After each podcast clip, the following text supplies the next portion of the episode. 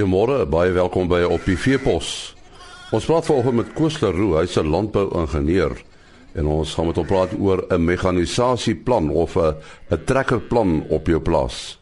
Hoekom moet 'n mes, uh, meganisasieplan op die plaas hê, Koos?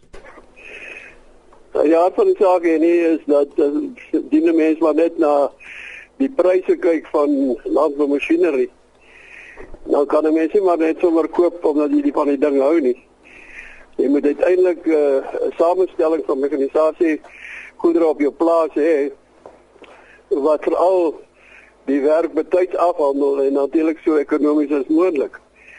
En daarom is dit uh, baie belangrik om dan te gaan sit en neer te skryf wat alles uh, meganies gedoen moet word. En uiteindelik dan op so 'n trekkerplan afkom in die samestelling van 'n trekkervloot. En uit die aard van die saak, 'n trekkervloot kan nie maar net uit groot trekkers uit bestaan nie. Dit moet oor die hele spektrum wees waar daar verskillende werke wat gedoen word wat uh, verskillende kragvereistes het. Wat van trekker kombinasies? Ja, dit is omtrent wat ek nou sê. Met ander woorde, as jy dan nou gaan sit en 'n trekkerplan optrek, dan sal jy heel waarskynlik groot trekkers gebruik vir jou primêre bewerking soos uh byvoorbeeld rip of ploeg terwyl uh, kleiner trekkers dan ge gebruik sal word sê wat vir plant en skoffel en spuitwerk en dan dan natuurlik nog sê 'n bietjie laer kilowatt trekkers vir algemene werk op die plaas om sleepbaar te trek ensovoorts om goed by die lande te kry. So daai kombinasie uh, sal vereis dan 'n bietjie dinkwerk.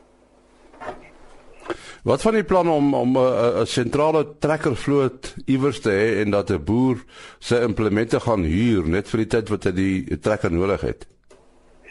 Kyk, uh, hier daar gewees natuurlik nou al mense wat trekkers uithuur. Maar as ek nou vir jou sê kom ons kyk wat voorbeeld net na na uh, somersaai gebiede. Ons praat nou sê nou maar van die oostelike Hoëveld. En mense kyk net na planttyd dan sien 'n mens dat uh by verskeie instansies wat proefwerk doen dat daar 'n sekere planttyd is wat vir jou die hoogste opbrengs te gee. En daardie tyd is omtrent maar omtrent 20 dae.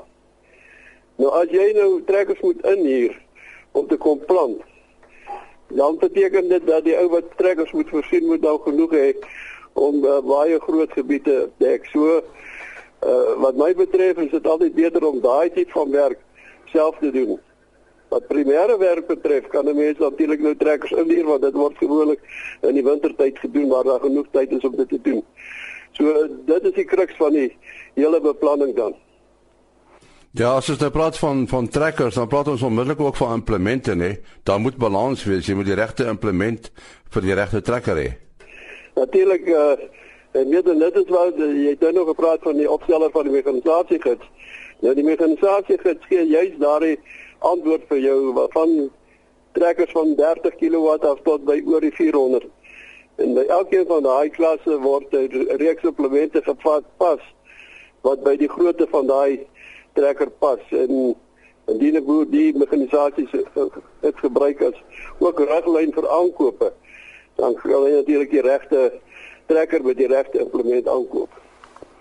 Nou as jy mens eh, 'n uh, trekkerplan opstel, dan moet jy dit natuurlik nou doen met 'n uh, met 'n voorsiener van hierdie trekker. Uh, daar moet genoeg onderdele wees, daar moet genoeg diens wees, né? Nee? Ja, aard van die saak is dit korrek uh, nie. Wanneer mense nou uiteindelik besluit oor sê net maar 'n 'n fabrikaat wat jy wil aankoop, dan moet jy seker maak dat die fabrikaat dan eh uh, gevestigde handelsmense het en werkswinkels het ensovoorts wat daai goed wat jy koop kan diens. En natuurlik ook mense moet ook maar gaan kyk na wat is die waarborge van wat elke fabrikaat verskaf.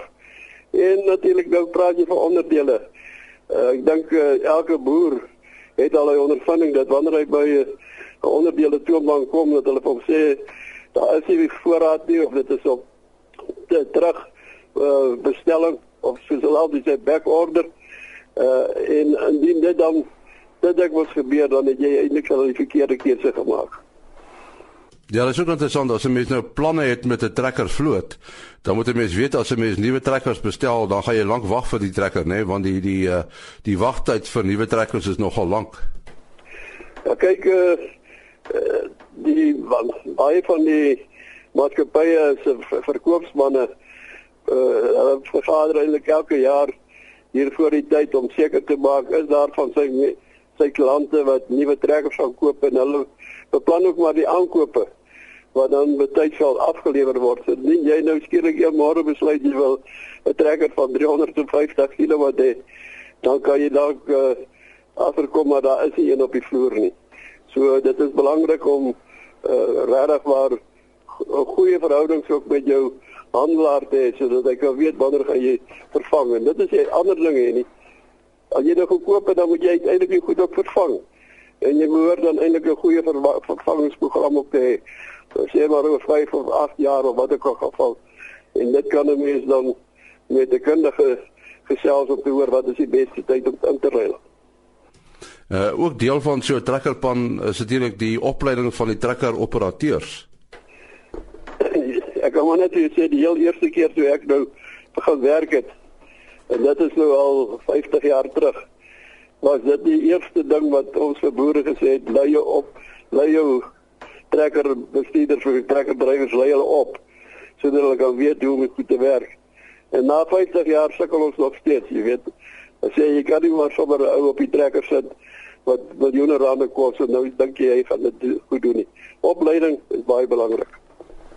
En vir alles mense dink aan uh, daai trekkers wat miljoene rande kos wat uh, eintlik amper deur 'n rekenaar beheer word, nê? Nee? Dis waar ja. Maar dit, dit is jy moet eintlik 'n bietjie opleiding hê selfs uh, selfs van die verkoopsmanne moet maar opleiding kry om die behoorlik na die goed te kyk, jy weet dit kan kan bestuur. En uh jy weet trekkers word aangevoer en die wisselkoers speel nie mooi saam nie, né? Nou ek wil sê met die opstel van die mekanisasie het ek natuurlik dit op baie goed agtergekom. Want in Januarie, kyk ek stel gewoonlik die gids in Maart maand op. Want die meeste uh, trekker maatskappye verhoog hulle pryse hier in, in begin van Februarie. Maar gedurende Februarie het die wisselkoers natuurlik geweldig verswak. Sodat ons eintlik moes gewag het tot eintlik eers in Maart maand voordat ons nuwe pryse kon kry in April maand het die werklike verhogings deurgekom. So wisselkoers speel 'n groot rol in die prys van trekkers op die vloer. Uh, Koos, watter impak dink jy gaan hierdie hele beweging van minimum bewerking op trekkers hê? Ja, kyk, uh, wanneer mense 'n nou minimum bewerking kyk, beteken dit nou nie dat jy nou glad nie bewerk nie. Uh jy moet nou al al uh die lande dan so voorberei dat dit maklik met 'n planter geplant kan word. Baie mense doen dit nie, maar jy moet byvoorbeeld 'n rolmoer trek. En wanneer jy nou 'n nuwe uh minimum bewerkingsplanter gebruik jy gewoonlik jou wat swaarder as 'n gewone planter en jy het 'n bietjie meer krag nodig. Maar dit kan die groot trekkers wat nou gebruik word om sê maar diepte bewerk ensovoorts kan dit dalk 'n bietjie die, die syfers laat afneem. Maar terwyl ons daarvan praat, die mense moet ook maar baie deeglik besin oor minimum bewerking. En ek dink byvoorbeeld dis sommer dadelik aan die Vrystaat daar die ouens op nou uh 600 en diep 600 mm dieper werk. Om dan sommer oor te slaan na geen bewerking. En mense sal daai diep van uh toestand baie goed dophou uh, en dan nie opbrengs te, te, te, in te boet nie. Die gesofistikeerdheid van trekker engines deesdae. Ehm um, in die ou dae het hulle almal geloop op op die 500 dele per miljoen diesel. Is dit nog die geval?